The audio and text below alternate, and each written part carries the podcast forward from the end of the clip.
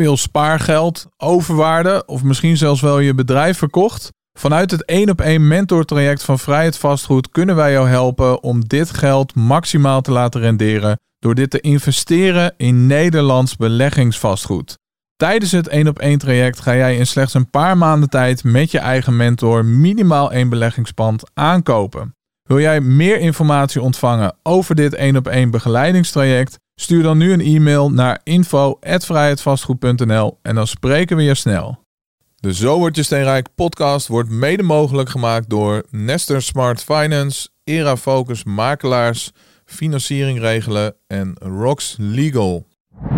Uh, mensen die zeggen van ja, maar ik heb het geld niet. Maar je kan op allerlei manieren geld creëren door bijvoorbeeld wel zo aan zo'n startbudget te komen wie ben ik nou echt? Hè? Als ik alle laagjes ga afbellen. En waarom zeg ik dingen nou? Doe ik dat dan om uiteindelijk ergens erkend of leuk gevonden te worden door mijn ouders? Want dat, hè, je hebt allemaal bepaalde basisbehoeftes. En dus daardoor vorig jaar uh, na die burn-out uh, gestopt met werken. En dus inderdaad, uh, ja, spannende tijd ingestapt. Dus nu wel gekozen voor vrijheid maar, en, en zekerheid laten gaan.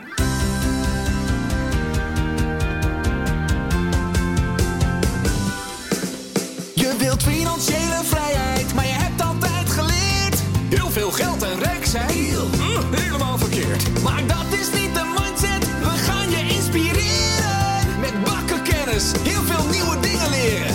Ga voor die verandering en een frisse kijk. Of geld gelukkig maakt, dat hoor je nu in Zo Word Je Steenrijk. Jawel, welkom, welkom, welkom bij weer een nieuwe aflevering van Zo Word Je Steenrijk. De podcast in Nederland over geld, beleggen, mindset en meer, waarin we bekende, maar zeker ook minder bekende Nederlanders uh, aan het woord laten en hun verhaal laten vertellen over hun reis. En daarmee hopelijk jou kunnen inspireren, maar vooral ook kunnen aanzetten tot actie en verandering. Dat is wat we graag willen bereiken met deze podcast. En deze week, mijn gast van deze week, die werkte keihard in de media. Was echt het voorbeeld van work hard, play hard. Want feesten, dat kon ze ook. Uiteindelijk belandde ze in een uh, burn-out en haar partner bleek kanker te hebben. En dit was een echte eye-opener uh, voor haar. En zeker toen er ook onverwachts uh, nog twee kinderen kwamen, wilde ze echt het roer omgooien voor zichzelf en haar gezin. En ging ze op zoek naar ultieme vrijheid. Nou, of ze die gevonden heeft, dat gaan we horen in de aflevering van vandaag. En dat uh, hoor ik heel graag van mijn gast van vandaag, Lisette Kortland. Welkom. Dankjewel Martijn. Leuk om hier te zijn. Dankjewel. Ja, leuk dat jij er bent. Ja. Wij zitten, ja, de luisteraar die kan het niet zien, maar degene die op YouTube kijken wel. Onze studio is helemaal in uh, Spaanse sferen vandaag. Ja, ja, helemaal gezellig. Ja, de vlaggetjes, alles uh, erop en eraan. Nou, waarom dat zo is, dat uh, komt zo meteen aan bod. Ja. Ja, je voelt hem al aankomen, hè? Ben je steenrijk? Ja, nou, um, het is maar net hoe je daarnaar kijkt natuurlijk. Ja. Um, ik denk wel dat ik mezelf heel erg rijk mag uh, rekenen of voelen met uh, alle dingen die ik nu bezit. Maar dan heb ik het meer over mijn kindjes, mijn man en uh, familie en vrienden. Ik denk dat dat toch het allerbelangrijkste is als het gaat over rijkdom of hoe je dat dan voelt. Um, dus ja, op dat vlak zeker. Ook op het gebied van ervaringen. Als ik dan kijk nu, ik ben nu 41. Nou ja, toen ik voel me 28, maar als ik dan nu hè, terugkijk op toen ik echt 28 was, dan denk ik wel dat ik nu zoveel rijker ook ben met, uh, met levenslessen en ervaringen en bewustwording en ja, waar het echt om draait in het leven. En als je dan gaat kijken naar, uh, naar puur geld, ja, dan, dan mag ik niet klagen. Ik heb altijd hard gewerkt. Ik heb, um, ja, ik, we kunnen al gewoon alle dingen doen die we leuk vinden. Vanuit het ja. niets uh, opgebouwd. Maar het is nog steeds spannend. Het is niet dat ik uh, achterover kan leunen en uh, helemaal niks uh, hoef te doen. Nee. En het zou ook niks voor mij zijn om dat te doen. Dus dat denk... idee heb ik ook niet. Nee. Nee, dus ik. Ehm, het is ook wel lekker misschien toch om gewoon een beetje die, die motivatie, die drive nog te hebben. Dat je iets hebt van nou ja, ik heb het absoluut niet, niet slecht, maar ik heb ja. niet het idee dat ik mijn schaapjes op het droog heb en dat ik niks meer hoef te doen de rest van mijn leven. Nee nee, nee, dat zou dat niet houdt je ook wel, zo, wel scherp en in beweging. Ja, het is gewoon leuk om, uh, om je continu te blijven ontwikkelen.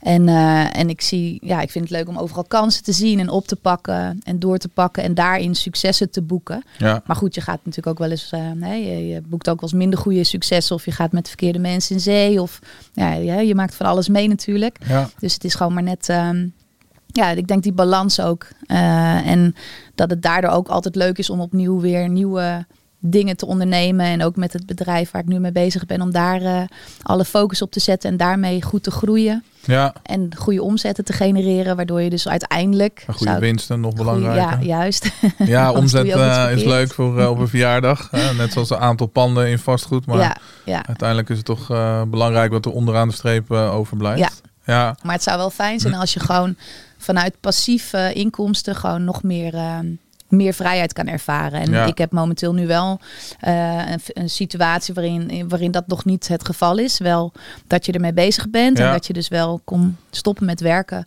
Dankzij bijvoorbeeld vastgoed en eh, passieve inkomstenstromen. ja.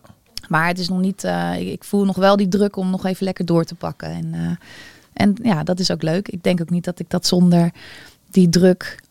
Dan denk ik dat je ook snel gaat vervelen of zo. Ik word wel eh, blij als ik gewoon 's ochtends wakker word en denk van nou, wat kunnen we vandaag allemaal weer gaan doen? Ja, En ik is denk- toch heerlijk om zo eh, wakker te worden. Ja, zeker. Ja. Ja.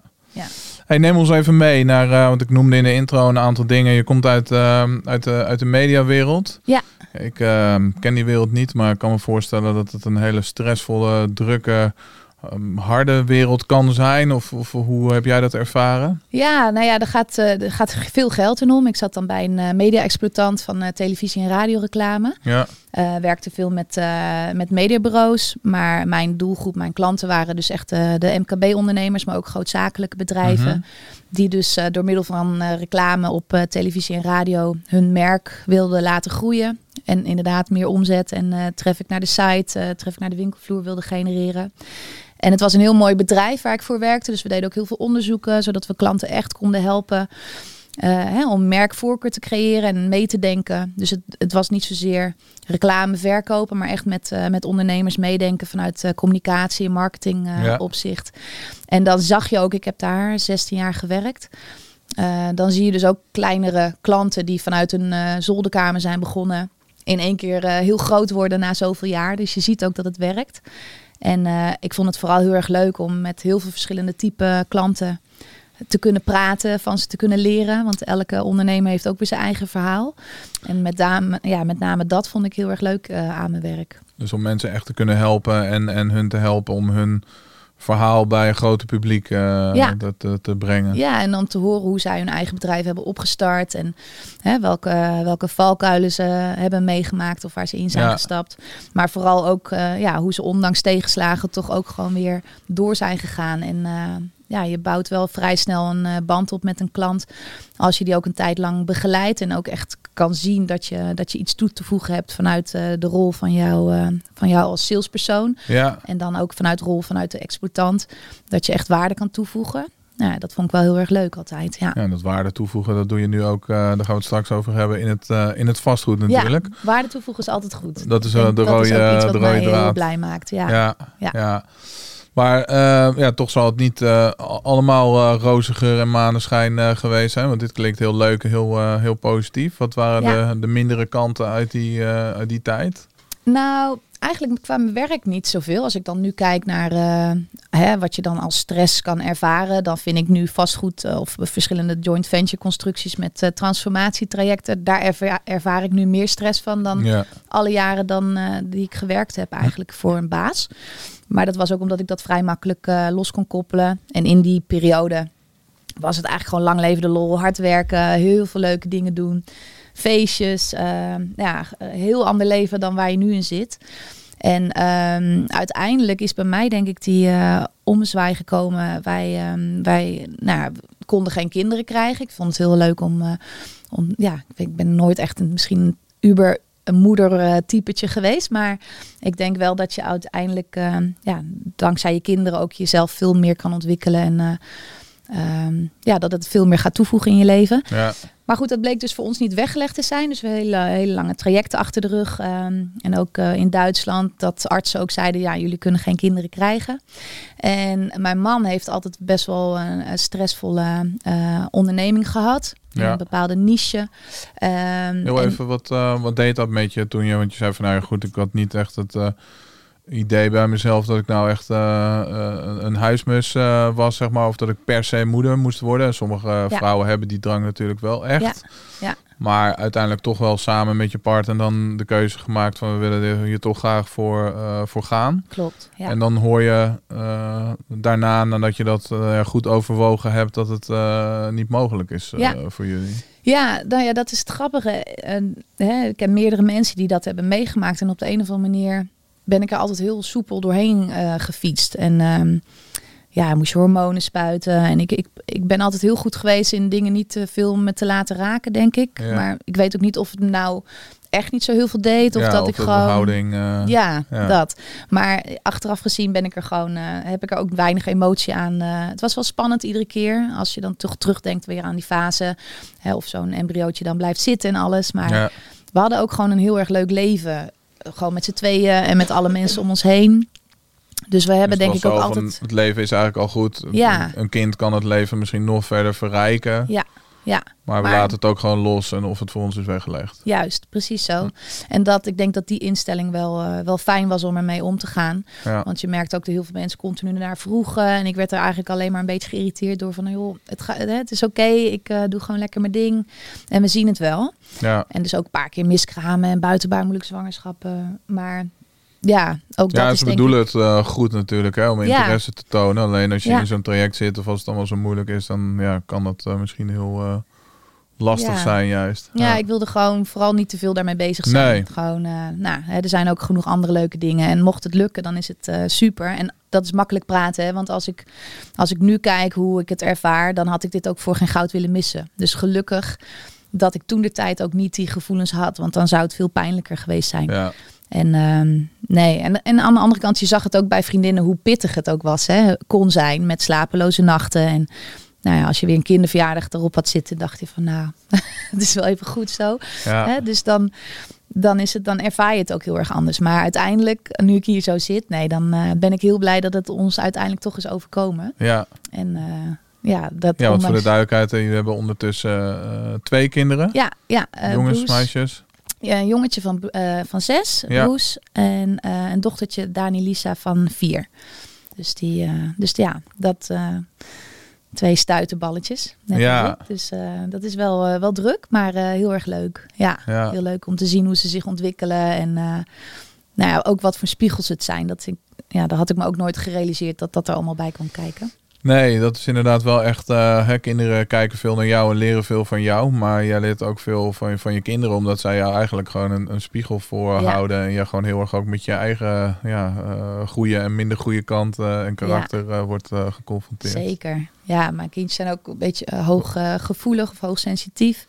Nou, en dat is inderdaad als je daar gewoon bewust van bent. En dus daardoor ook naar, hen, naar hun reactie kijkt op, op mij. Dan kan je daar van tevoren al veel beter aan eh, aanvoelen hoe ik zelf zeg maar erin zit die dag. Ja, Dus het is wel echt heel grappig om te zien. eh, want wat heb jij van je kinderen geleerd? zelfbewustzijn. Ehm, het is een beetje een breed begrip, maar ik denk wel. Hè, voor die tijd heb je gewoon zoveel.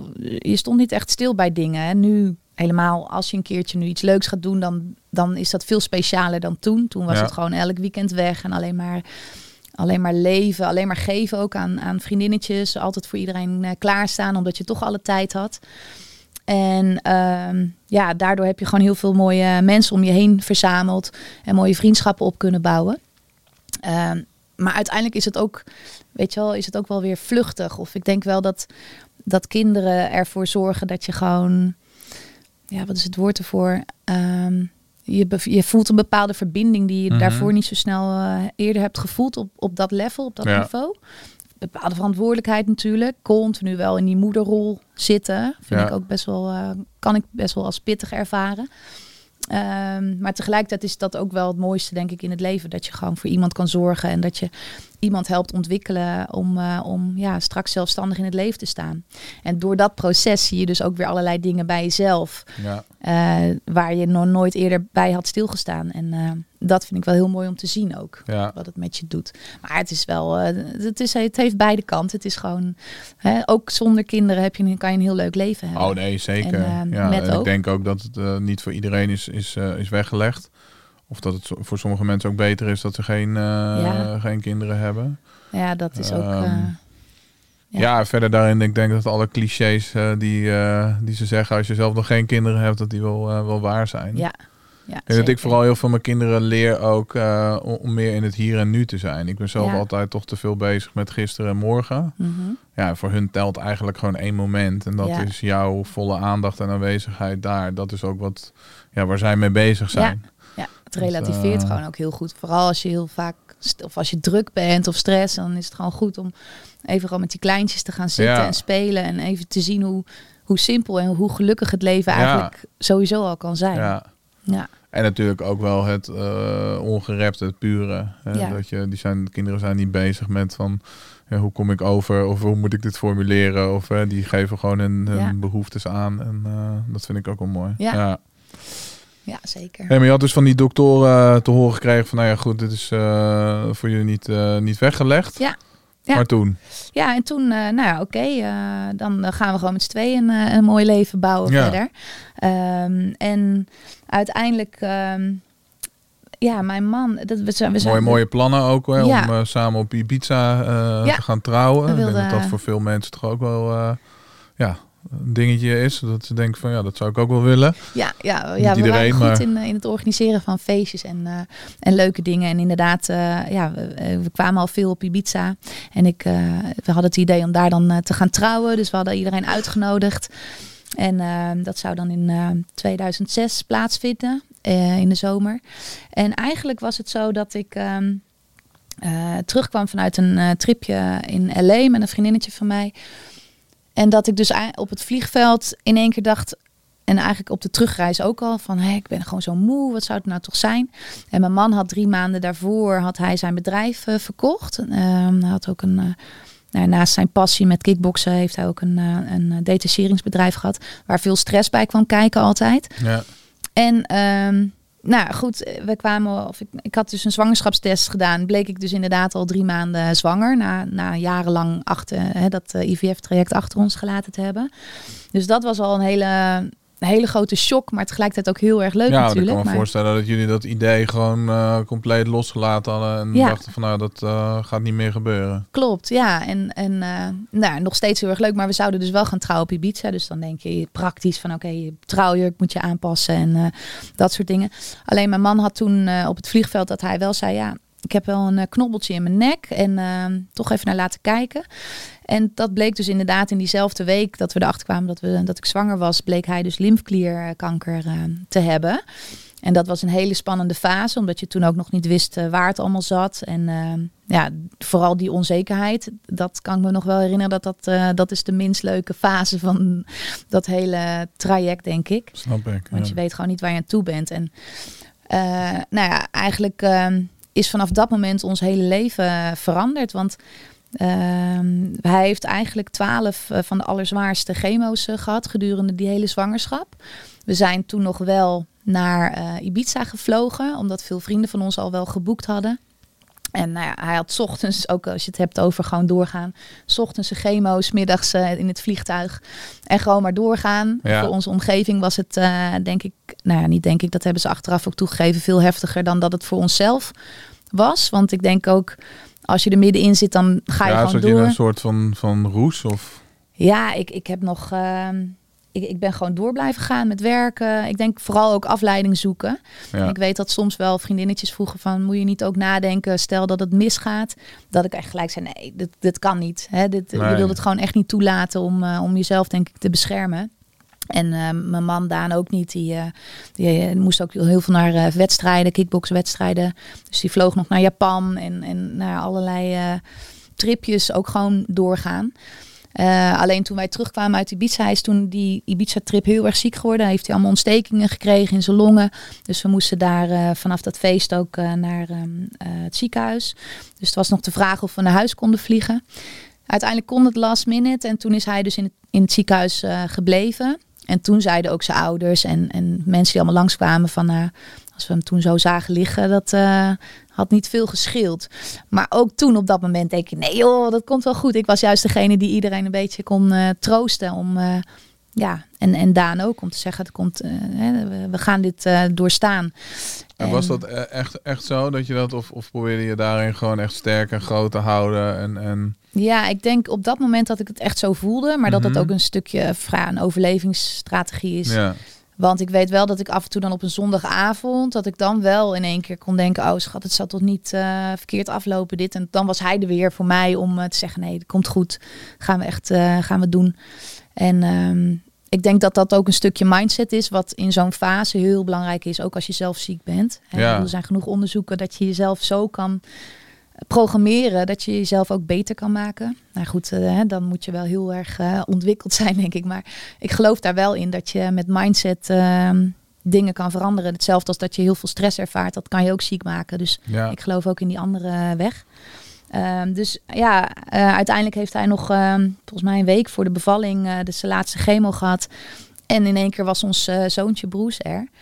En, eh, Ja, nou want dat is het dus natuurlijk een relatief korte, want- omdat je pas na drie maanden dat je al zwanger was, erachter kwam dat je Ja. zwanger was.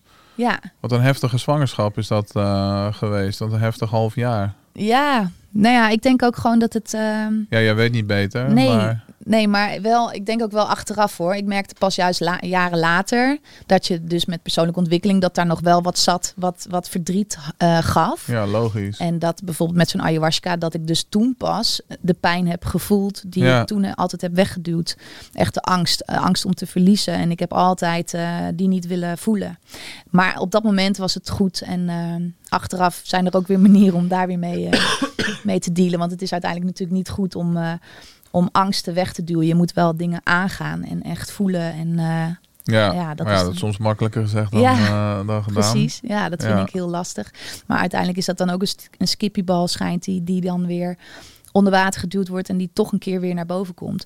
Dus je merkte op een gegeven moment ook dat er andere dingen in mijn leven aan het veranderen waren, die daar weer relatie mee hadden. En dat waren, waren allemaal spiegels inderdaad om maar eh, toch een keer die angst aan te gaan. Omdat je voelde wel dat er een bepaalde lading eh, op zat. En eh, nou ja, gelukkig zijn er dus dat soort mogelijkheden om, eh, om daar dingen te helen, denk ik. En nou ja, goed, het mooie is dat hij natuurlijk er nog steeds is. En dat we nu ook nog een, een tweede kindje hebben gekregen. Dat we, wat we ook helemaal niet hadden gepland. Nee, Dus ja, dan als je het hebt over rijkdom, dat we hier nu met z'n viertjes ja, in dit leven zijn. ja, En, dan ben je toch echt steenrijk. Ja, en dan, ja, dan is geld maar geld. En eh, Ja, zeker. het, het gaat gewoon hierom. En, eh, en dat is denk ik ook wat ik mijn kinderen mee wil geven. Het is, weet je, mijn ouders hebben altijd hard gewerkt, zijn met pensioen. En die hebben gewoon, ja, die genieten nu echt van hun pensioen. Maar altijd echt van 9 tot 5. En ik denk dat, dat ehm, ja, geld is energie. Het moet gewoon stromen. En je moet er goede dingen, vooral goede dingen mee doen. Ja, Mensen mee willen helpen. Als je het zelf, als je het gevoel hebt dat je rijk genoeg bent, vooral veel geven aan mensen die het, eh, ja, die minder hebben. ja, Ik denk dat we elkaar allemaal moeten helpen. En dat het uiteindelijk maar allemaal materieel is. En dat het gaat om het echte diepe geluk van binnen. Als je gewoon een beetje zo'n eh, zo'n knoren reclame, weet je, gezellig met z'n allen achter de hutspot. eh, dat gevoel. ja, Dat is wel ja, de bedoeling. mooi. Ja. Nee, wat ik ook heel bijzonder vond, was wel dat je mij vertelde ook dat het dus, eh, nou ja, eh, dat je partner Daan eh, heel erg stress ervaarde van, van zijn drukke bedrijf. Ja. En dat dat achteraf gezien waarschijnlijk de reden ook is geweest dat hij nou ja, die, die lymfeklierkanker eh, ontwikkeld heeft. ja, En ook heeft meegespeeld in het feit dat het nou ja, tijdelijk, achteraf gezien, niet mogelijk was om, om kinderen te krijgen. Ja, ik vind Ja. dat echt bizar als je daar natuurlijk over nadenkt. Wat de impact, ja. impact van ja, zoiets relatiefs of stoms als, als geld of ondernemen of een bedrijf. ja, Wat Ja. natuurlijk totaal onbelangrijk is in vergelijking met de dingen waar jij het net over hebt. ja. En wat voor een impact dat dan kan maken. Ja. Ja, zeker. Ja, we hebben dat toen ook nooit zo gerealiseerd hoor. Dat is pas later ehm, eh, door middel van persoonlijke ontwikkeling trajecten, omdat mijn kindjes dan ook niet sliepen. Dat is ook niet voor niets geweest. Eh, we sliepen echt drie, vier uurtjes per nacht, eh, jarenlang achter elkaar. Daar word je gewoon niet heel vrolijk eh, van. Dus daar, op een gegeven moment ga je dus zoeken naar hoe kan ik eh, mezelf verbeteren. En dan beland je dus in dat soort ehm, trajecten met de Michael Pilarczyk, Tony Robbins en al dat soort eh, ja, boeken. Waar je gewoon heel veel uit kan halen. En eigenlijk zagen we dus ook toen, omdat mijn dochtertje toen ook een fase eh, bij haar geboorte ook heel ziek is geweest, kwam ik in eh, aanraking met familieopstellingen, omdat de artsen ook niet meer wisten wat er aan de hand was. En zij Ja. kreeg zondevoeding. Zij was gewoon verleerd om, om zelf flesjes, eh, om zelf te drinken. En Heel toen- even een kleine ondertiteling, want ik Ja. denk dat eh, veel van onze luisteraars eh, familieopstelling kennen. Maar voor degenen die dat nog niet eh, gehoord hebben, Ja, wat moet ik me daarbij Ja. voorstellen? Ja, voor mij was het ook allemaal heel nieuw. En ehm, ik kwam daar ook echt bij van, nou, ze heeft slangetje in de neus. Het schijnt, dat jullie iets leuks kunnen doen om te helpen om dit op te lossen. En een familieopstelling. Ze gingen dus eerst allerlei vragen over mij stellen en, en waar ik, eh, wat mijn gezin is en, en ja, waar je tegenaan bent gelopen. En ik snapte maar niet wat de link was naar mijn dochtertje. Ja. Maar uiteindelijk komt het erop neer dat je dus in een opstelling. ehm, hè, je, je, je hebt last van bepaalde trauma's, ook al weet je niet eens dat je daar last van hebt. Ja. Eh, dat kan ook bijvoorbeeld een geboorte van jezelf al zijn. eh, dat, dat het traumatisch is, dat dat in je cellen opgeslagen zit. Dat heb ik, ik was echt helemaal eh, zo nuchter als het maar zijn kwam toen ik daar aankwam. Maar inmiddels eh, weet ik dus nu zoveel meer daarover. En weet ik gewoon dat het effect heeft dat je gewoon trauma's vanuit familielijnen over kan geven aan Ja. kinderen. Maar dat je dat ook kan doorbreken door bewust te worden van, eh, van wat er bij jou speelt.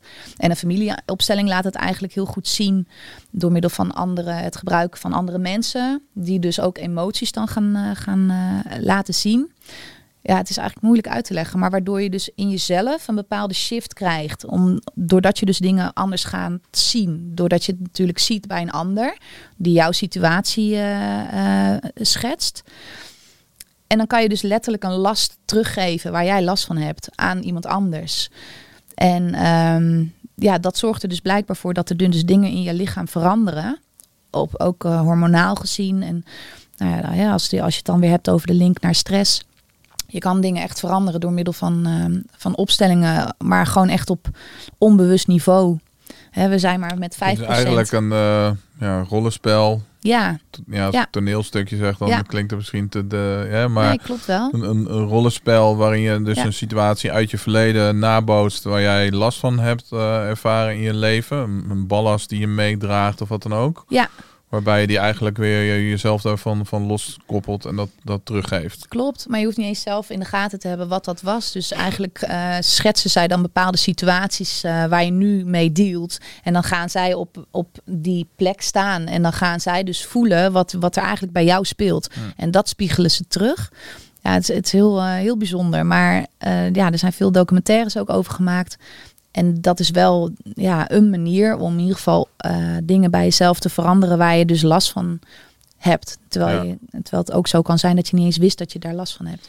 En die, die familieopstelling, toen je dat ervaren hebt, dat was een van de dingen wel die jou echt nou ja, veel, veel inzicht heeft eh, gegeven. Ja, ik kwam er toen echt wel achter dat er gewoon zoveel meer speelt dan dat wij met het blote oog kunnen ervaren. Dus hè, als je het dan hebt over energieën en ehm, over ja, de, de wet van aantrekkingskracht. Ik was toen de tijd met eh Michael Pilatschik, eh, daar heb ik heel veel mee gedaan. Eh, met boeken en Think and Grow Rich. Maar dan heb je het ook over hele praktische zaken. En Ja, gewoon stappenplannen uitwerken en hè, je gedachten controleren. Maar uiteindelijk blijkt het dus ook gewoon op familielijnen en, en met energie ook heel veel te spelen. eh, waar nog zoveel meer in te ontdekken valt. En waar zoveel mensen nog zich zo onbewust eh, over zijn. En, maar eh, heel even, hè, want eh, sommige van mijn luisteraars denken nu misschien, joh, die Lisette, die is helemaal eh, ja, hè, aantrekkingskracht, toneelspelletjes, eh, noem het allemaal maar op. ja. Stond, hoe stond jij daar vroeger tegenover dat soort dingen? Want ja, dit zijn geen dingen die we op school leren of die de meeste mensen van ons vanuit huis helaas eh, meekregen. Ik neem aan dat jij misschien vroeger ook een stuk nuchtere, Ja. nuchterder daarin was of Ja, misschien ook wel sceptisch. Ja, mijn ouders zijn echt daar heel, eh, heel nuchter in en ik ook. En eh, ik, ik heb daar nooit, eh, nooit iets mee gedaan ook. Het was echt doordat je dus gedwongen wordt in een situatie waarin je iets met jezelf wilt. Omdat je dus niet slaapt, hè, brengt het jou gewoon in de, ja, brengt het, hoe zeg je dat, de, best, de slechtste versie van jezelf word je dan. En dat wil je veranderen.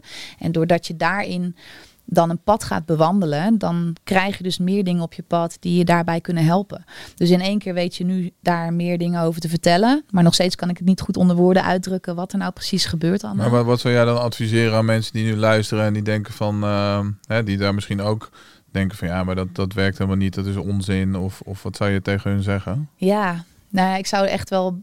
Kijk, het is, je moet, het is een bepaalde roeping, denk ik. Op een gegeven moment, je kan ook heel leuk je leven lang door blijven leven zoals je het altijd gedaan hebt. Zoals ik ook altijd gedaan heb. Ja, wel zo veilig. Ja, nou ja, dat is het denk ik. Vooral veilig. En je kan daar ook heel oud mee worden.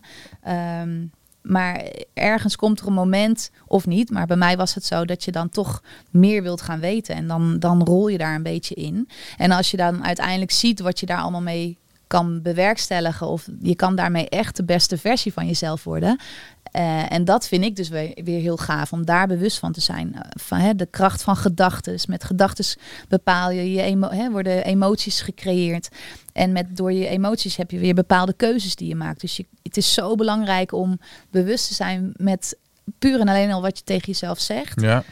En hè, je gedachten, dat, dat schijnt dus een elektromagnetisch veld te zijn waarmee je dus bepaalde dingen aantrekt. Ja. En als je dat koppelt met je emotie, dus met een gevoel eraan, dat is een magnetische werking. Dus je trekt daarmee echt situaties aan.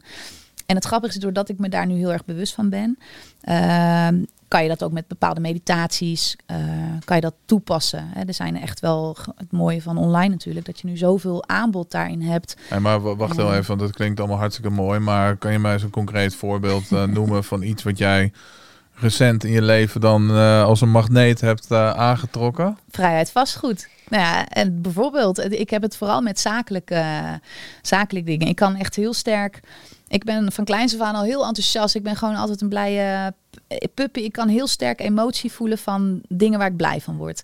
Blij, zijn dan blije puppy? Ja. ja, ik vind dat eigenlijk al nu ik erover nadenk inderdaad een goede omschrijving uh, van jou. Oh, ja. ja, ja, ja. Nou ja, ik, ik ben het gewoon enthousiasme altijd, uh, en het, het, het, het, het nieuwsgierige en, en ja. Ja, ja, nou ja, zo, ik, ik heb dat van nature denk ik uh, van kleins af aan al wel in me zitten. Misschien, ja, mijn, ik, ben dan, eigenlijk zouden mijn ouders ook vier, uh, uh, ik zou nog vier broertjes of zusjes gehad hebben, maar ik ben enigst kind.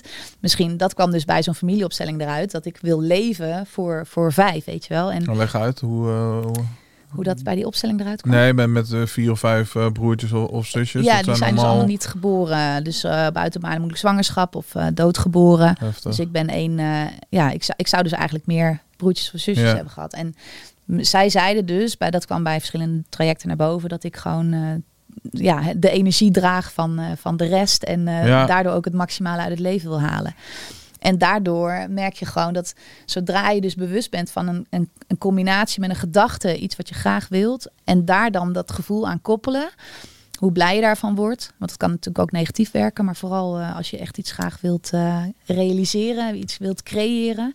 Ja, dan moet je dus echt je emotie instoppen. En dan merk ik gewoon dat ik de dag, als ik s'avonds een meditatie uh, voor het slapen ga, ik zet hem altijd eentje op en dan val ik daarbij in slaap.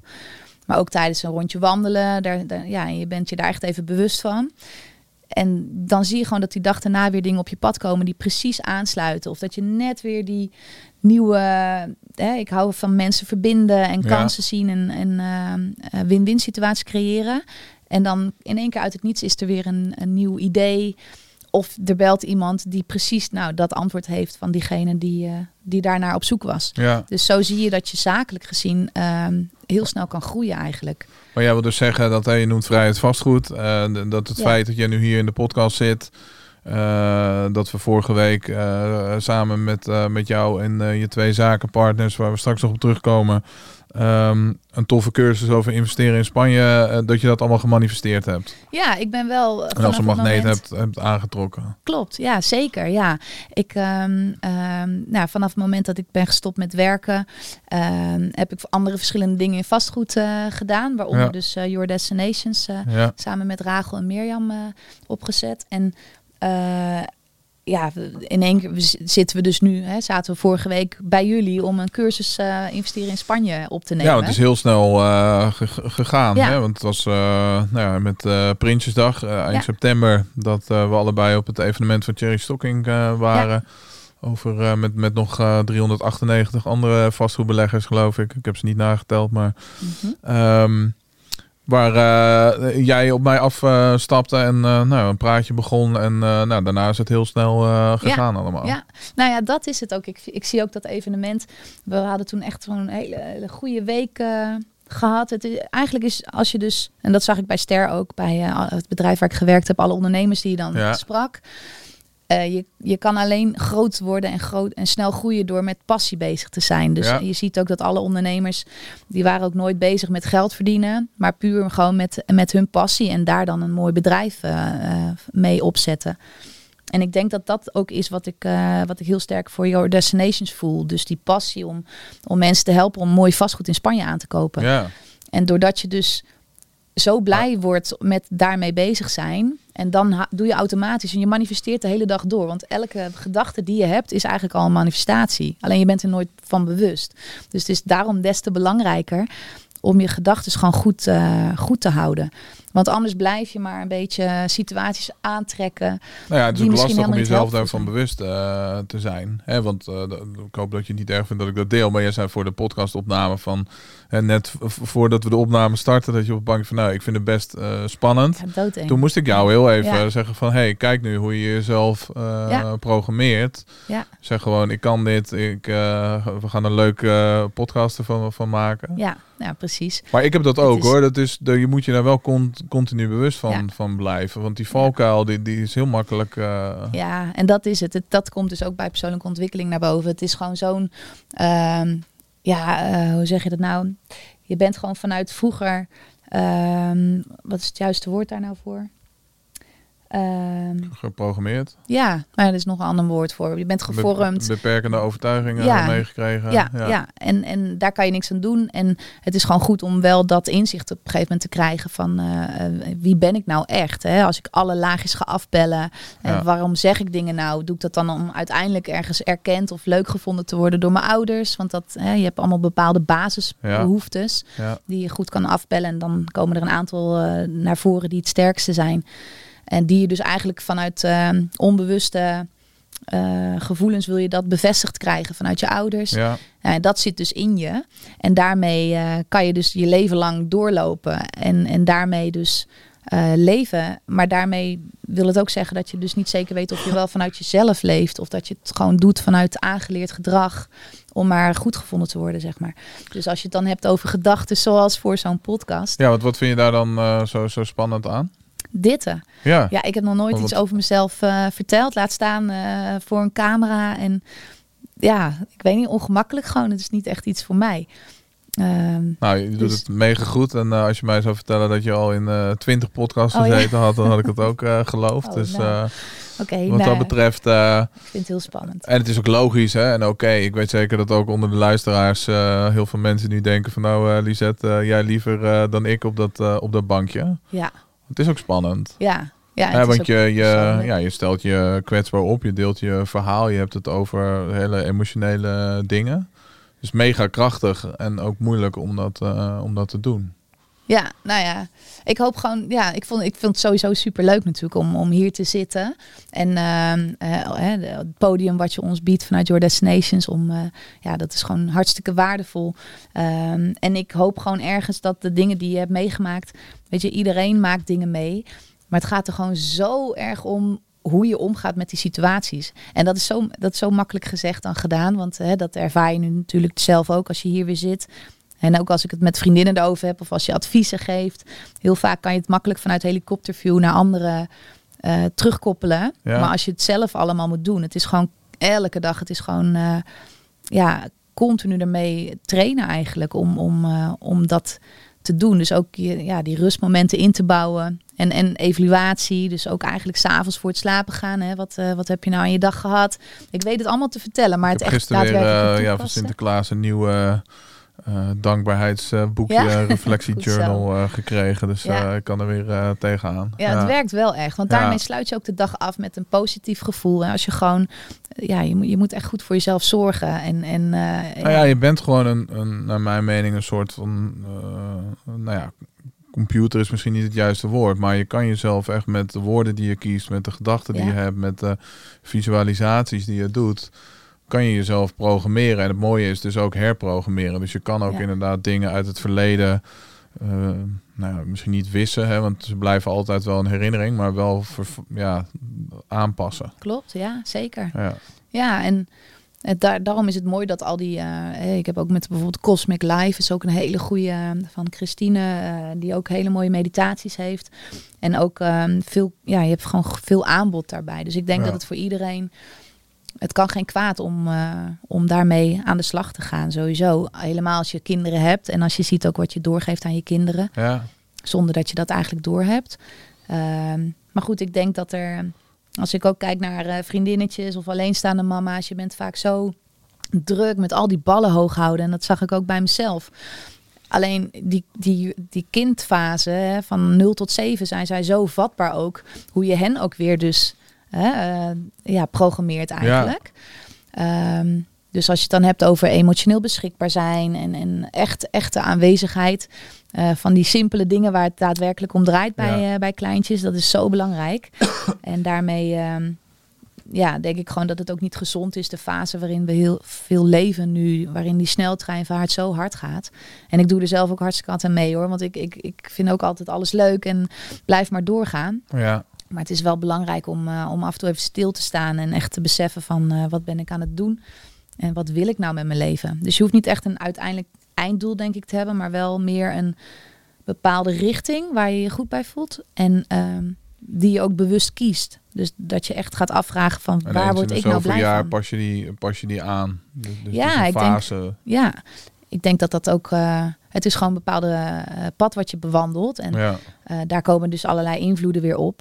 Eh, Maar het krachtigste is denk ik gewoon echt trouw blijven aan jezelf. Maar dan moet je wel eerst weten wie ben je en wat zijn je normen en waarden. Waar, waar wil je voor leven en wat vind je belangrijk.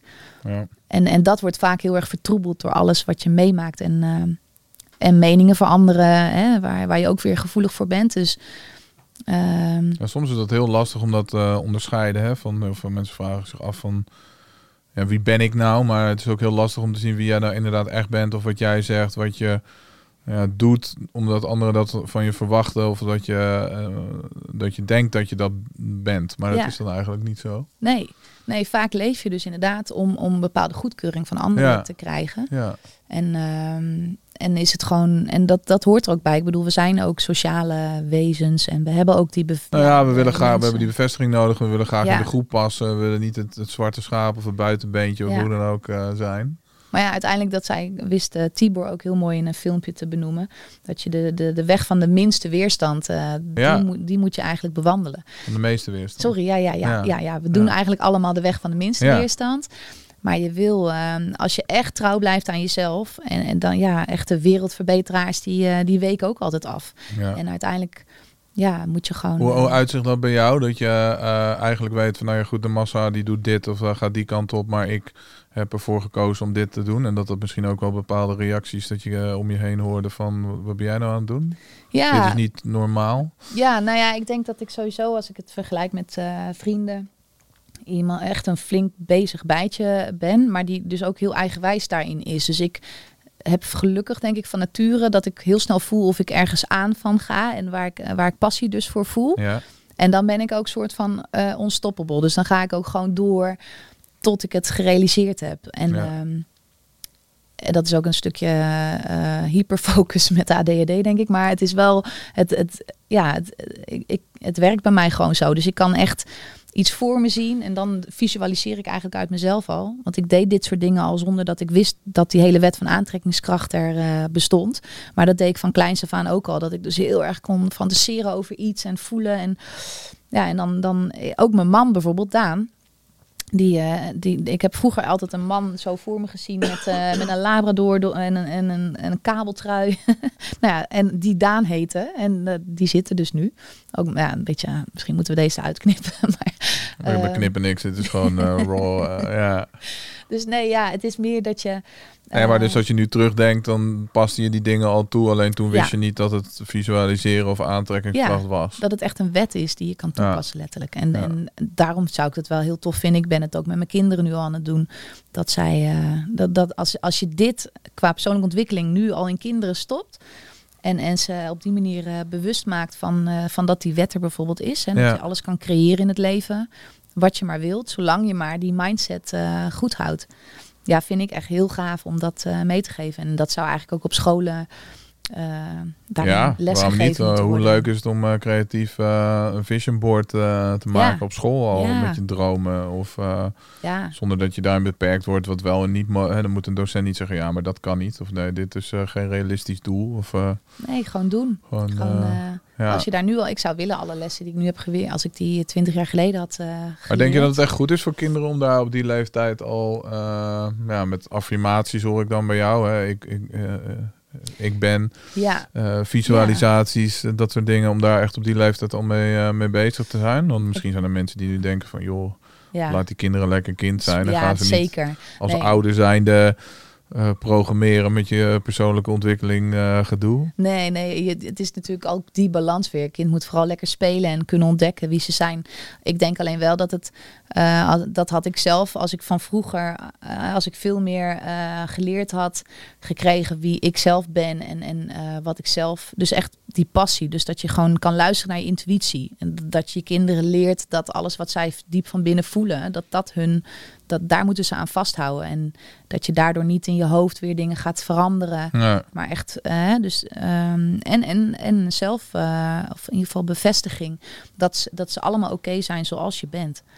Dus dat je uniek mag zijn en dat je juist moet afwijken eigenlijk. Want dan ja, ben je gewoon trouw aan jezelf. Dus ergens vind ik wel dat, dat, dat het goed zou zijn als dat wat meer meegegeven zou worden. Zodat kinderen ook veel zelfverzekerder op eh, groeien. Ik ben pas veel later daarmee eh, in aanraking gekomen. En daardoor ook, nou, denk ik een paar jaar geleden pas, dat je echt een beetje jezelf leert accepteren zoals je bent. Dat Ja. heeft wel lang geduurd. Ja, maar goed, aan de andere kant, eh een merendeel van de mensen die gaat er nooit mee aan de slag in het leven, denk ik. Dus wat dat betreft ben je, als je het daarmee vergelijkt, ben Ja. je weer vroeg. Ja, klopt. Dus ja. Ja. Hey, ehm, sowieso waar ik ook nog benieuwd naar ben. 22 jaar samen met je partner eh, Daan. ik zit eh, op, eh, op 10 jaar nu samen met mijn vrouw Helena. Dat vind ik al een eh, prestatie. Vooral van haar kant, dat ze het zo lang met mij weet eh, uit eh, te houden. Ja. Heb je nog tips voor mij en de luisteraars hoe je nou ja, 22 jaar samen kan zijn? Ik neem aan in, in een goede relatie ook. Hè? Ja. Want op papier 22 jaar samen zijn is natuurlijk wat anders dan... Ja. Nee, ja, relatie is altijd, altijd werken natuurlijk. Het gaat nooit vanzelf. Maar ik denk wel dat het heel belangrijk is om, om echt te, te kunnen luisteren naar elkaar. Dus communicatie is heel belangrijk. Dus ook elkaar dingen gunnen, vrijlaten. Maar vooral ook gewoon eh, ja, jezelf zijn. En wat we bij ons ve- veel merkt, we hebben af en toe de neiging om elkaar dan een beetje te gaan redden in tijden waarin het dus eh, minder goed gaat. Dus dat Ja. je niet slaapt of dat je ziek bent. Maar je moet altijd waken dat het niet ten koste gaat van je eigen identiteit. En daar zijn we ook, eh, ja, daar kom je dan af en toe achter. En dan ga je gewoon weer even goed eh, samen ook om de tekentafel bij wijze van. En gewoon vooral heel veel leuke dingen blijven doen. Veel, eh, dank jullie wel, opa's en oma's, eh, hè, de kindjes weg kunnen brengen. En Ja. samen even weer, eh, Lekker op stap. kunnen, kunnen laden. ja. Ja, wordt er nog steeds gefeest af en toe. Ja, dat zit toch wel in me. Ik ben toch Ja. wel het kleine feestbeest. Ik vind het gewoon te leuk om het niet te doen. En er zijn wel fases geweest dat het gewoon minder eh, was of eh, ook niet kon. Ik moet ook zeggen, het laatste jaar, hè, dan, dan hè, het ondernemen neemt ook veel tijd in beslag. En daar wil je dus ook gewoon eh, ja, heel fit voor zijn. Je merkt toch dat je als je een avondje, ja, je wordt ook ouder. Ik bedoel, eh, vroeger Ja, maakte het niet zoveel uit. Nu moet je het echt even herstellen weer. Ja, Ja. En dat is wel zonde, want dan ja, op een dag kan je zoveel werk verzetten. Ja, ik ben groot fan van de, de dagfestivals die om 11 uur 's avonds Precies. eh, afgelopen zijn. Dan eh, ja. Is de volgende Dat. dag toch wel erg fijn. En ook andere gewoon lekker eh dagje sauna. Maar we hadden toevallig afgelopen weekend de verjaardag. en dan komt iedereen weer bij ons. Ja, dat is gewoon zo gezellig. Het is ook zo belangrijk om, om dat soort dingen te blijven doen. En, eh, maar heel even, wat is je favoriete festival en, eh, en DJ? Tenminste, ik neem aan, ik weet niet wat voor een eh, feest die je heen gaat. ik ben er alweer een beetje uit. Ik ben, ja, vroeger ging ik dus heel veel naar die fest- festivals. Maar eh, nee, ik, moet- ik, eh, ik moet toch wel Of- of meteen aan... eh, ja, ehm, nou, we, gingen, er- we gingen ze allemaal wel af. Maar ik heb toch wel hele leuke herinneringen aan Ibiza sowieso. Met alle feestjes daar. Dat is toch wel iets magisch daar ook. Wat er, eh, er hangt, wat er is. Ja, ik moet het nog steeds gaan, eh, gaan Ja? meemaken. Ja, nou, ik heb lang in de mee- dance scene gezeten, nooit naar Ibiza geweest. Oh, dus, ja. ja. Nee, ja, je hebt daar wel mooie feestjes. Maar ja, dat is wel de, de bakermat. Ik vind Lowlands ook leuk. Het is gewoon meer de groep als je gewoon echt een eh, gezellig festival hebt en met z'n allen bij elkaar. Ja, en dan on- dat is gewoon altijd leuk. Dus daar zijn eh, vooral de, nou ja, de mensen zoals altijd in het, in het leven die de sfeer maken en het leuk Ja. maken. Ja, Ja. Tof. Dus het is vooral ook de balans om, eh, om en lekker eh, te knallen, maar ook om te ontspannen. En ehm, ja, dat kan op allerlei manieren, maar vooral eh, het sociale daarbij te betrekken. Ja, belangrijk. Ja, Hey, naast je werk bij de media ehm, ging je daarnaast ook andere dingen ontwikkelen. Je ging Ja. bijvoorbeeld in eh, de makelaardij daar een opleiding voor volgen. En je was bezig met sportschool, eh, geloof ik, daar Ja. les eh, geven. ja, ja ik heb eigenlijk altijd eh, door mijn hoge energie veel dingen ernaast willen doen. Verveel je je dan zo snel? Denk je van, nou, dit is niet genoeg voor mij? Of, Ja, nee, meer van er kan nog zoveel meer. ja? Zo van, de, weet je ja wel, jij hebt geen zo- 24 uur in de dag, maar eh, 48. Ja, had. Ja. Dat- en nog steeds zou ik dat het liefste willen. Is, het, het leven is zo leuk. Je kan zoveel mooie dingen ehm, meemaken. Echt meemaken gewoon. Maar dan moet je wel actie, eh, actie ondernemen. En ja, zo is dat inderdaad Hm. bij... eh, ik heb altijd op sportscholen les gegeven. En ehm, op een gegeven moment was er ook een klant... ehm, die zei, die had dus een franchise eh, formule van makelaardij. En hij zei, is dat niks voor jou? Ja. Ik dacht, nou, waarom niet? Dat vind ik eigenlijk best wel leuk. Dus ik ben dat toen gaan doen. En, eh, en zo heb ik heel veel van dat soort dingen van, nou, ja, leuk, gaan we doen. En eh, dat is eigenlijk, eh, ging best wel goed. Het was ook in die tijd dat, er, dat de makelaardij nog eh, vooral uit veel oudere mannen met dikke sigaren bestond. Ik Ja. was toen 21. En ehm, ja, op je 21 ging jij al de, de makelaardij dus in. ja, Hoe, hoe kwam je daar dan terecht? Wat, wat trok jou zo aan aan het vastgoed? Ehm, nou, ik heb sowieso altijd eh, een eh, heel fijn gevoel bij bepaalde huizen, woningen, dat, dat het een bepaalde sfeer eh, creëert, Ja. zeg maar. Eh, dus- Ja, maar dan had je ook eh interieurstylist ja, kunnen worden. maar dan moet je weer heel creatief voor zijn. En dat ben ik niet. Ik Ah. ben juist goed met sales, met, met, eh, gewoon, eh, met mensen. Ja. En het leek mij gewoon leuk om, om iets nieuws te proberen en, en gewoon te doen. En dan ging ik vanuit Marktplaats, belde ik mensen op die hun woning particulier eh, daarop hadden staan. En dan zei ik dat ik eh, klanten, dat ik mensen, potentiële kopers voor ze had. Die je natuurlijk helemaal niet had, maar op een gegeven moment bouw je zeggen, aan. was dat echt zo? Of was dat eh, gewoon eh, de hashtag bluff eh, poker? Nou, de eerste twee, drie ge- telefoongesprekken wel. Maar dan merk je zodra je er eentje binnen hebt, dan komen automatisch reacties natuurlijk via Funda. En die mensen spreek je weer. En zodoende bouw je dus daadwerkelijk een database op Ja. van mensen. En kan je dus ook op die manier eh, ja, goed wisselen als je met mensen in gesprek gaat met bezichtigingen. En dat je ook weet, dat zou ook een woning weer voor jou kunnen zijn. Ja, En ik deed dat met iemand samen die ook in die franchise zat. eh, die dan ook eh, overdag de bezichtigingen kon doen. Zodat ik dat dan, ik deed vooral s'avonds en in de weekenden. ja. En zij had dan weer kinderen. Dus dat ging eigenlijk heel erg snel. En dat vond ik gewoon super leuk om mee bezig te zijn. En ehm, uiteindelijk ben ik, ehm, ben ik daarmee gestopt na een jaar of twee of drie.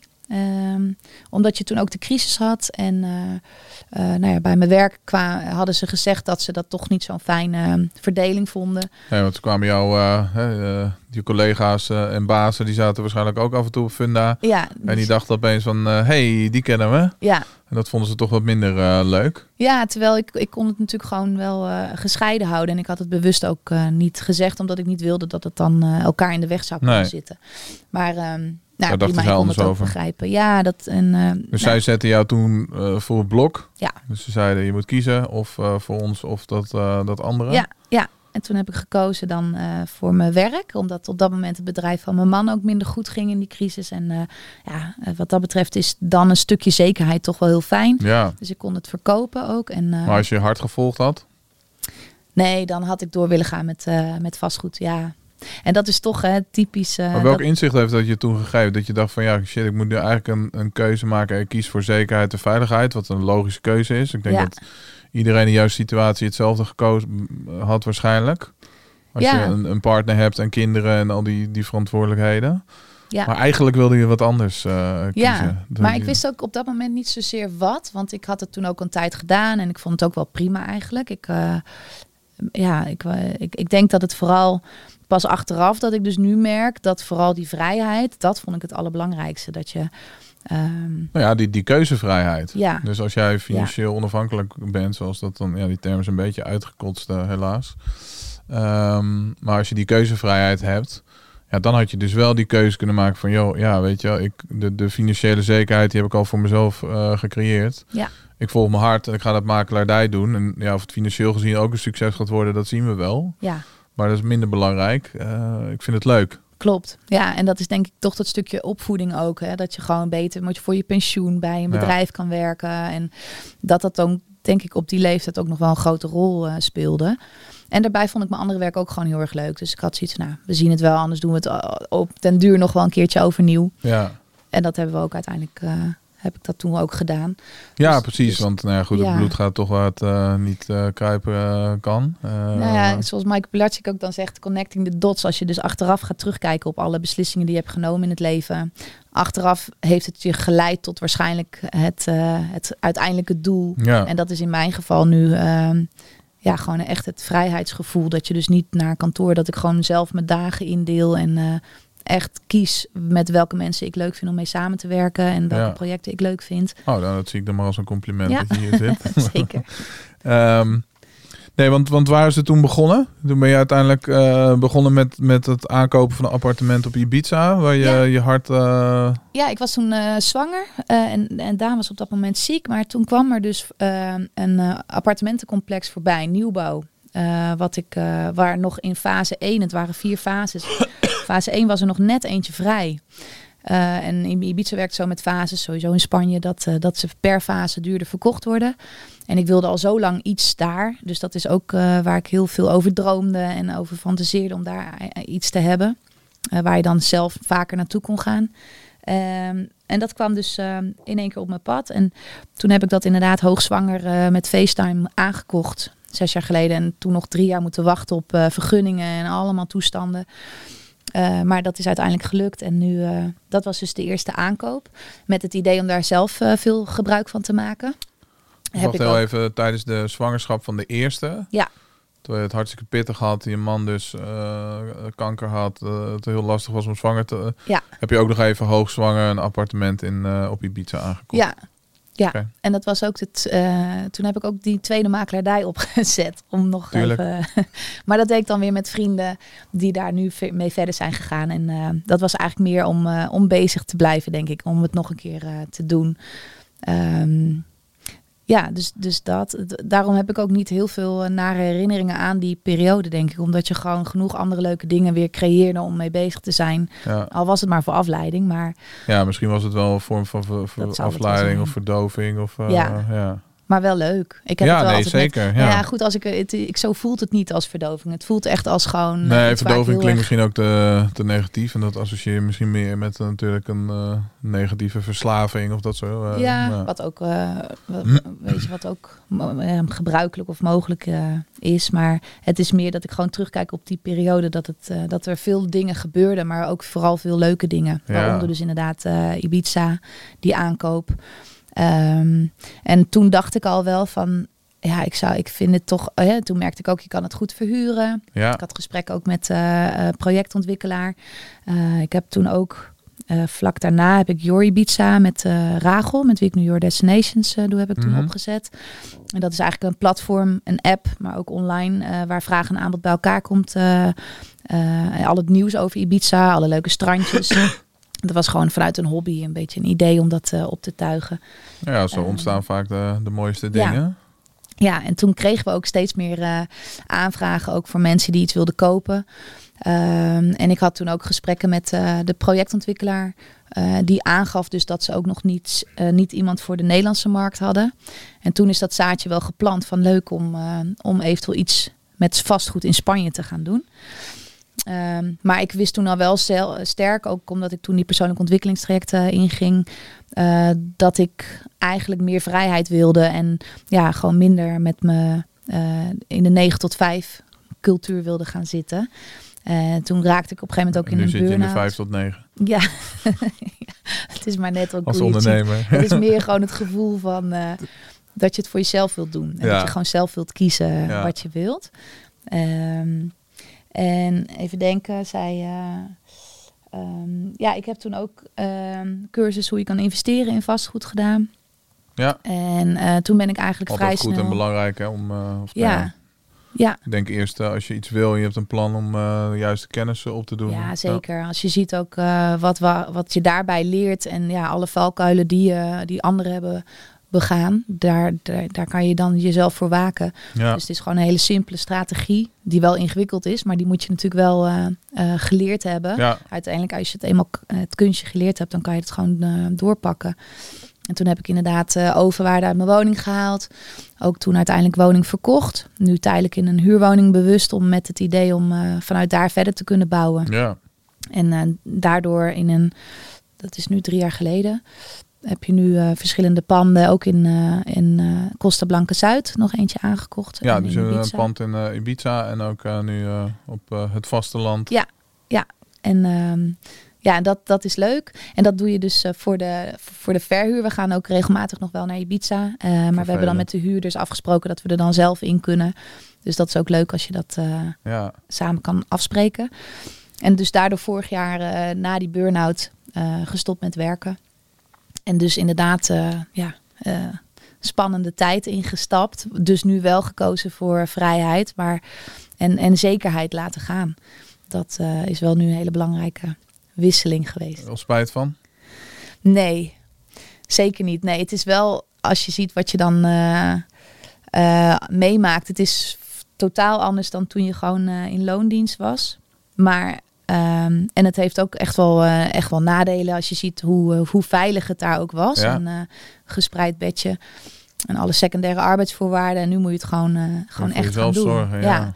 Ja. Maar nog steeds voel ik aan alles dat, dat dit de beste keuze is geweest. En ja, Dus je gaat daarin echt af op je intuïtie.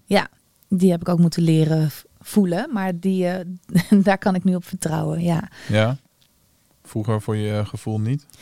Nee, als je kijkt, eh, nou, het wordt wel heel persoonlijk allemaal. Maar nee, het is meer dat je... Dat is ook de bedoeling van een podcast. ja. eh, je bent zo gewend, ik was zo gewend om alles maar vanuit mijn hoofd eh, te rationaliseren. En vanuit die kant naar situaties te kijken. En dan eigenlijk heel erg voorbij te gaan aan, aan je gevoel van binnen. En dat heb ik echt moeten leren gewoon. Ja. Omdat ik gewoon vanaf kleins af aan daar altijd al heel erg op gespitst was. Eh, daarom ben je misschien ook goed in sales. Dat je heel goed aanvoelt wat de behoefte van een ander is. En dat is in het vak heel, eh, heel prettig. Ja. Maar ehm, eh, voor je persoonlijke situatie is het wel belangrijk om natuurlijk altijd te voelen wat je zelf, wat je zelf wilt. ja. En ehm, eh, nou Ja, ja, maar ik herken dat wel. Hoor. Ik zit ook eigenlijk wat dat betreft veel te veel in mijn hoofd en dingen te, te rationa- rationaliseren. ja, Ehm, en dan negeer je soms gewoon je, je gevoel, je intuïtie. En dan denk je achteraf van... eh, ja, Ja. ik moet vaker daar naar, eh, naar luisteren. Ja. Want ik heb gewoon de signalen gekregen. Het universum vertelt me gewoon wat ik moet doen. Of wat ik moet kiezen. Ja, als je dat negeert, dat is hetzelfde als door je rood eh, stoplicht heen rijden. Dan ja. ja, komen er vaak ongelukken van. ja, echt. Het is echt Dus, eh, ehm, zo belangrijk. Maar ook dat is een, ja, een, een, een proces, denk ik. Mhm, Het, ja. Zeker, ja. Hey, een mooie track record dus zelf opgebouwd in, eh, in Spanje. En eh, daarin gedacht van, eh, nou ja goed, we gaan daarin ook eh, andere Nederlanders die datzelfde willen. Die ook graag meer vrijheid, meer keuzevrijheid willen. Die in Spanje willen investeren of daar graag een tweede woning willen hebben. Die gaan we daarin helpen en, eh, en Ja. begeleiden. Ja, ehm, ja, het was eigenlijk eh, eh, in eerste instantie, want we, ik doe dat dan met Mirjam, die ik kende vanuit de persoonlijke ontwikkelingstraject op Ibiza. Eh, zij heeft toen ook haar eigen huis verkocht, eh, ook iets in Spanje gekocht, eh, haar bedrijf verkocht, dus ook allerlei eh, wisselingen, eh, veranderingen meegemaakt. En dat klikte zo goed qua aanvulling op elkaar. En dan in combinatie met Rachel, die weer heel veel eh, vanuit Your Ibiza ook weet van het aanbod in Spanje. Ja, Ehm, en dus met z'n drieën klikte dat enorm. En ehm, hebben we ook besloten om ons op de vastgoedbelegger te gaan richten, op die doelgroep. Omdat ik in- veel verschillende groepen zit ook. Eh, en natuurlijk zelf ervaring heb met het aankopen van vastgoed. ja, Maar vooral ook omdat daar die kans ligt in Spanje. Want ehm, als je iets koopt, dan moet je maar blij zijn dat je überhaupt de VVE-kosten of andere bijkomende kosten op voorhand doorkrijgt. ja. Nou ja, dus hè, het maken van rendementsberekeningen, dat kennen ze daar allemaal niet. En eh, ja, er komt zoveel bij kijken als je ziet wat, wat ja voor... wat, wat, zijn de, de verschillende overeenkomsten met vastgoed in, eh, in Nederland bijvoorbeeld? Nee, je kan in Spanje nog, eh, nou goed, nu is de markt natuurlijk weer aan het veranderen, maar je kan nog eh, relatief eh, goedkoop aankopen. Ja, Eh, de rentes eh, liggen daar een stuk lager. Ehm, sowieso natuurlijk een hele fijne omgeving om daar je tweede huisje te hebben waar je het heen kan. Eh, je hebt daar geen, ehm, je moet daar een verhuurlicentie hebben als je aan toeristen wilt verhuren. Mhm. er zijn heel veel verschillen op te noemen. Maar vooral het traject ook. Um, makelaars die bieden het niet exclusief aan. Dus een projectontwikkelaar die werkt met meerdere partijen samen. Ja. Dus je weet nooit of het... Ja, je moet ook gelijk een aanbetaling doen. Uh, wil je het pand dan van de markt afhalen?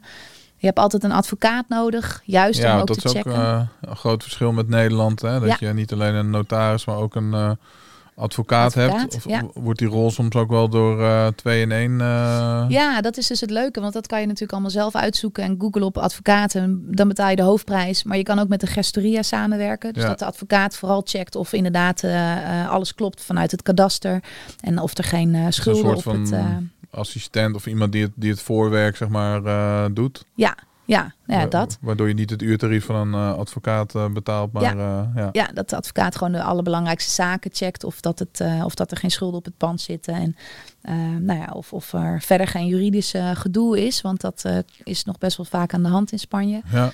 Ehm, en vervolgens, ehm, ja, d- d- d- het is gewoon heel anders. Je werkt dan ook met eh, andere partijen samen. Eh, je hebt een NIE-nummer nodig. Nou ja, het, het, is gewoon, in Nederland heb je dus vanuit een cursus dat je gewoon eh, leert hoe het moet. En in Spanje is dat, is dat heel lastig, ook omdat er zoveel verschillen zijn qua regio, qua klimaat.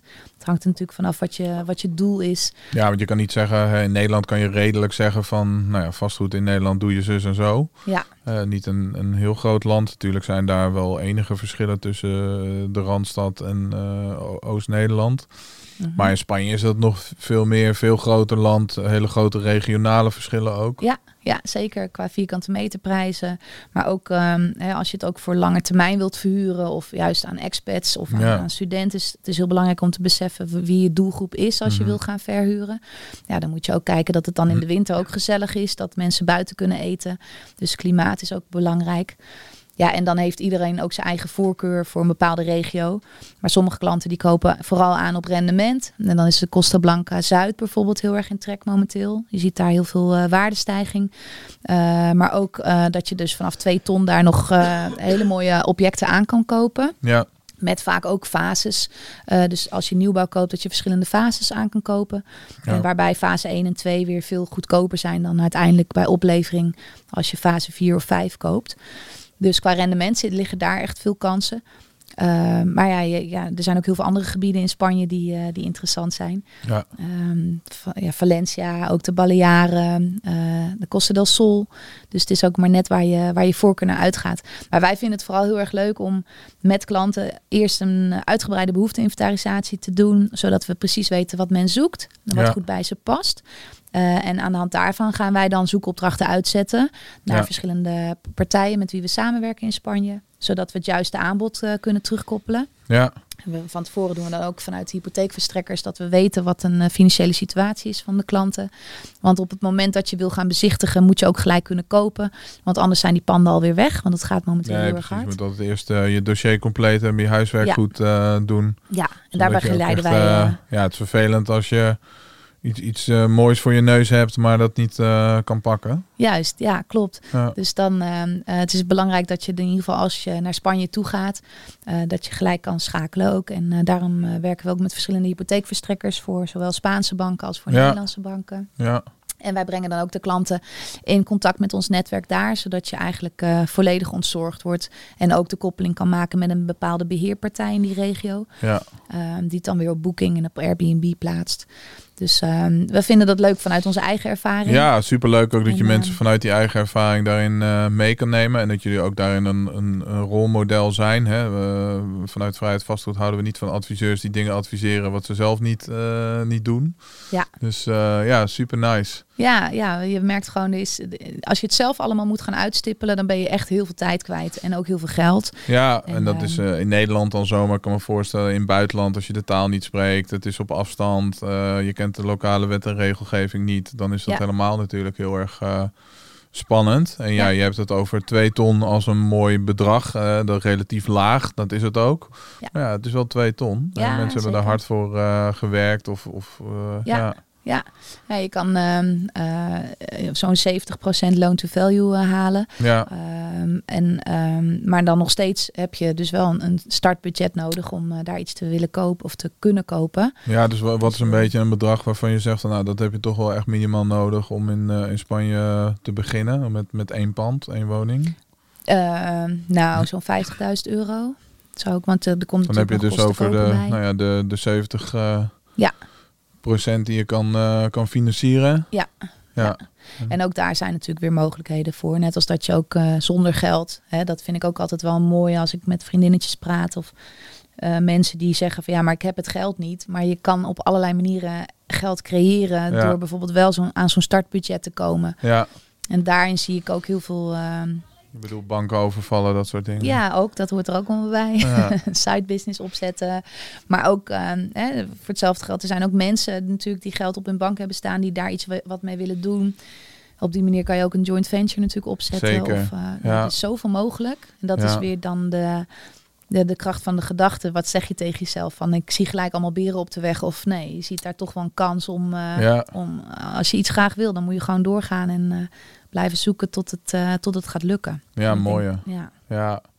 Ja, wij eh, leren wekelijks nog eh, Nederlanders hoe ze kunnen beleggen in, in Nederland met succes. Want ook daar zijn nog hele mooie kansen. Maar eh, ja, wij merkten toch ook meer en meer dat onder onze bestaande 1200 klanten ondertussen een groeiende behoefte was om ook over de grens te gaan kijken, in het buitenland te kijken. Ja, Spanje wat dat betreft, hè, net zoals landen als Frankrijk, Italië, dat blijft toch voor veel Nederlanders een, een sterke aantrekkingskracht hebben om daar weer even op terug eh, te komen.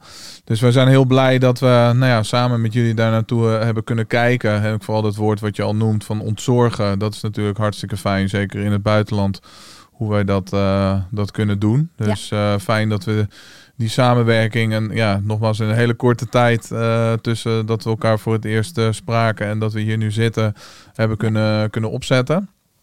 Ehm, ja, we hebben daarvoor eh, vorige week, hè, een paar dagen geleden, Ja. samen met eh, Rachel en ehm, Mirjam. Mirjam een, eh, een, een, een, een cursus opgenomen. Over hoe jij eh, als Nederlander kan eh, nou ja, investeren in, eh, in, in Spanje. Wat, eh, wat zit daar precies allemaal eh, in? Wa- Wat zijn de onderwerpen die we daarin behandeld hebben? Ja, eigenlijk eh, alle onderwerpen wel. Dus de verschillen tussen Nederland en, eh, en Spanje. wat komt er allemaal bij kijken? Met welke partijen heb je te maken? Ehm, wat zijn de rendementen? Welke regio's zijn interessant? Wat zijn valkuilen waar je, waar je liever niet in wilt stappen? Ja, Ehm, ja, eigenlijk eh, alles. Hypotheken, belastingen, verschillen daarin. Eh, of je het zakelijk kan aankopen of eh, beter privé. ja. Ehm, Dus Ja. eigenlijk het is een, een, een basis zodat je een goede stuk context hebt. En dat je kan bepalen van nou ja, is dat Spaans vastgoed nou echt ja. zo mooi en past dat ook bij, bij mij en, en onze wensen en behoeften. Um, en daarna, dat gaf je net ook al uh, aan, dan uh, kunnen jullie maximaal ontzorgen. Gaan jullie daadwerkelijk ook met degene die dat willen naar Spanje toe om, nou ja, gewoon uh, behalve tapas ja. te, te, eten en sangria te, te drinken ook. Dat, ook. dat ook, ook heel erg belangrijk.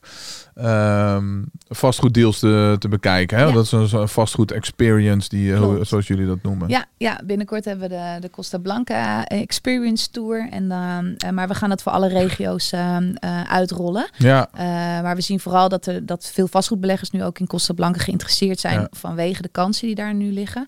En wij zijn daar zelf al geweest. Mirjam en ik hebben daar ook ons eigen appartement. Rachel die komt er ook vaak. Dus wij weten ook de, de plekken sowieso waar je lekker kan eten. En hè, wat een Heel beetje de belangrijk. hotspots zijn. Ja. Dus we willen dat ook meegeven aan de klanten die meegaan. Zodat je ook een beetje gevoel krijgt van de regio. Ja. Maar we zijn echt alle projecten hebben we bekeken. We werken daar met zo'n beetje alle projectontwikkelaars en makelaars ook samen. Dus zowel nieuwbouw, maar ook bestaande bouw.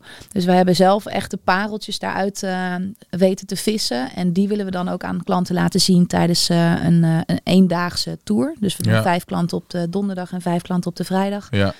Uh, en online viewings, viewings ook. Dus dat mensen ook uh, die het niet per se daar hoeven te zijn, maar die voor rendement het wel interessant vinden, die kunnen dus ook online uh, het bekijken. Ja, en staat je natuurlijk vrij om langer dan één dag eh, te gaan of te blijven. Hè? Dat, Klopt. je kan er meteen een, een leuke trip of een leuke vakantie van, van maken. Ja, ja, zeker. Maar het programma Dus is eh, één dag. Ja, dat is één Ja. dag. En dan laten we inderdaad alle plekjes, eh, alle mooie projecten zien en alle leuke plekken.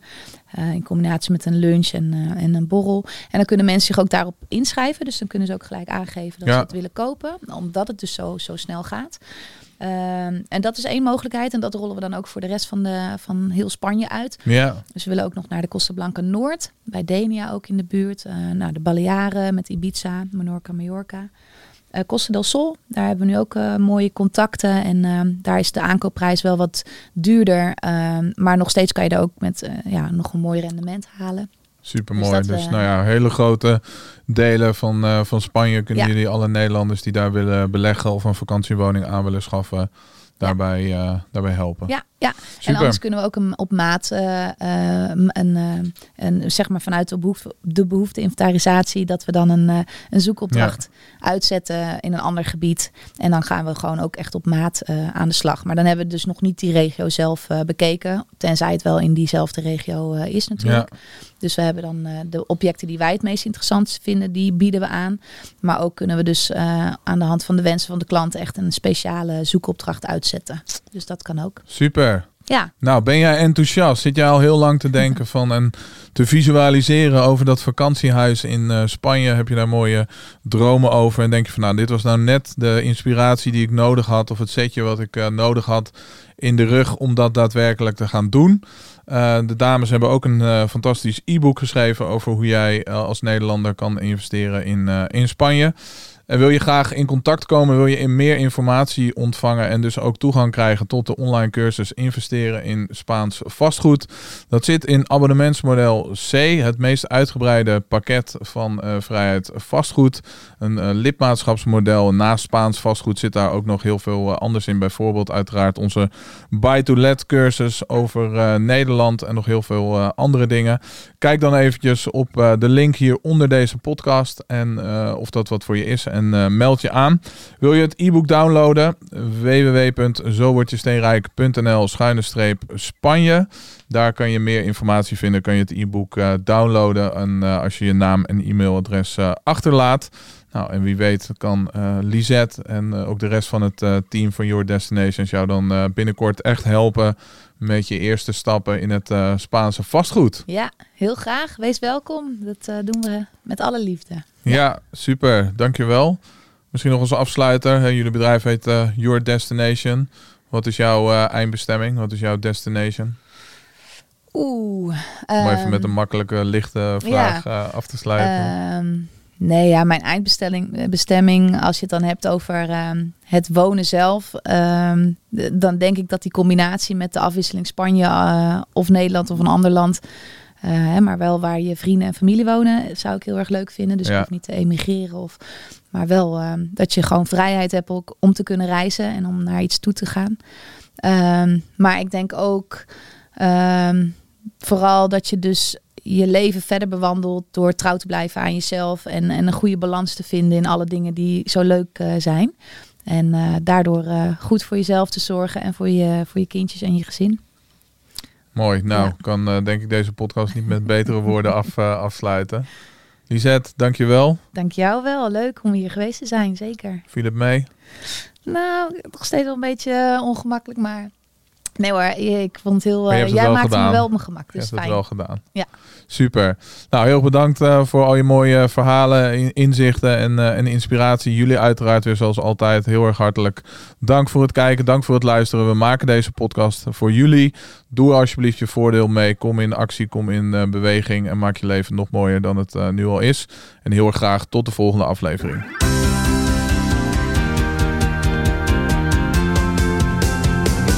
Dankjewel voor je tijd en je aanwezigheid. Superleuk dat jij bij deze podcast was. We hebben ook een website www.zowordjesteenrijk.nl. Daar kan je alle oude afleveringen terugvinden en terugluisteren. Je kan je abonneren op onze nieuwsbrief en daarmee krijg je heel erg veel waardevolle financiële tips. En we hebben heel erg veel speciale acties en kortingen met onze gasten. En welke Nederlander houdt er nou niet van korting? Vergeet natuurlijk niet om je te abonneren op deze podcast. En dan zien we je heel erg graag weer volgende week bij een nieuwe aflevering van Zo word je steenrijk.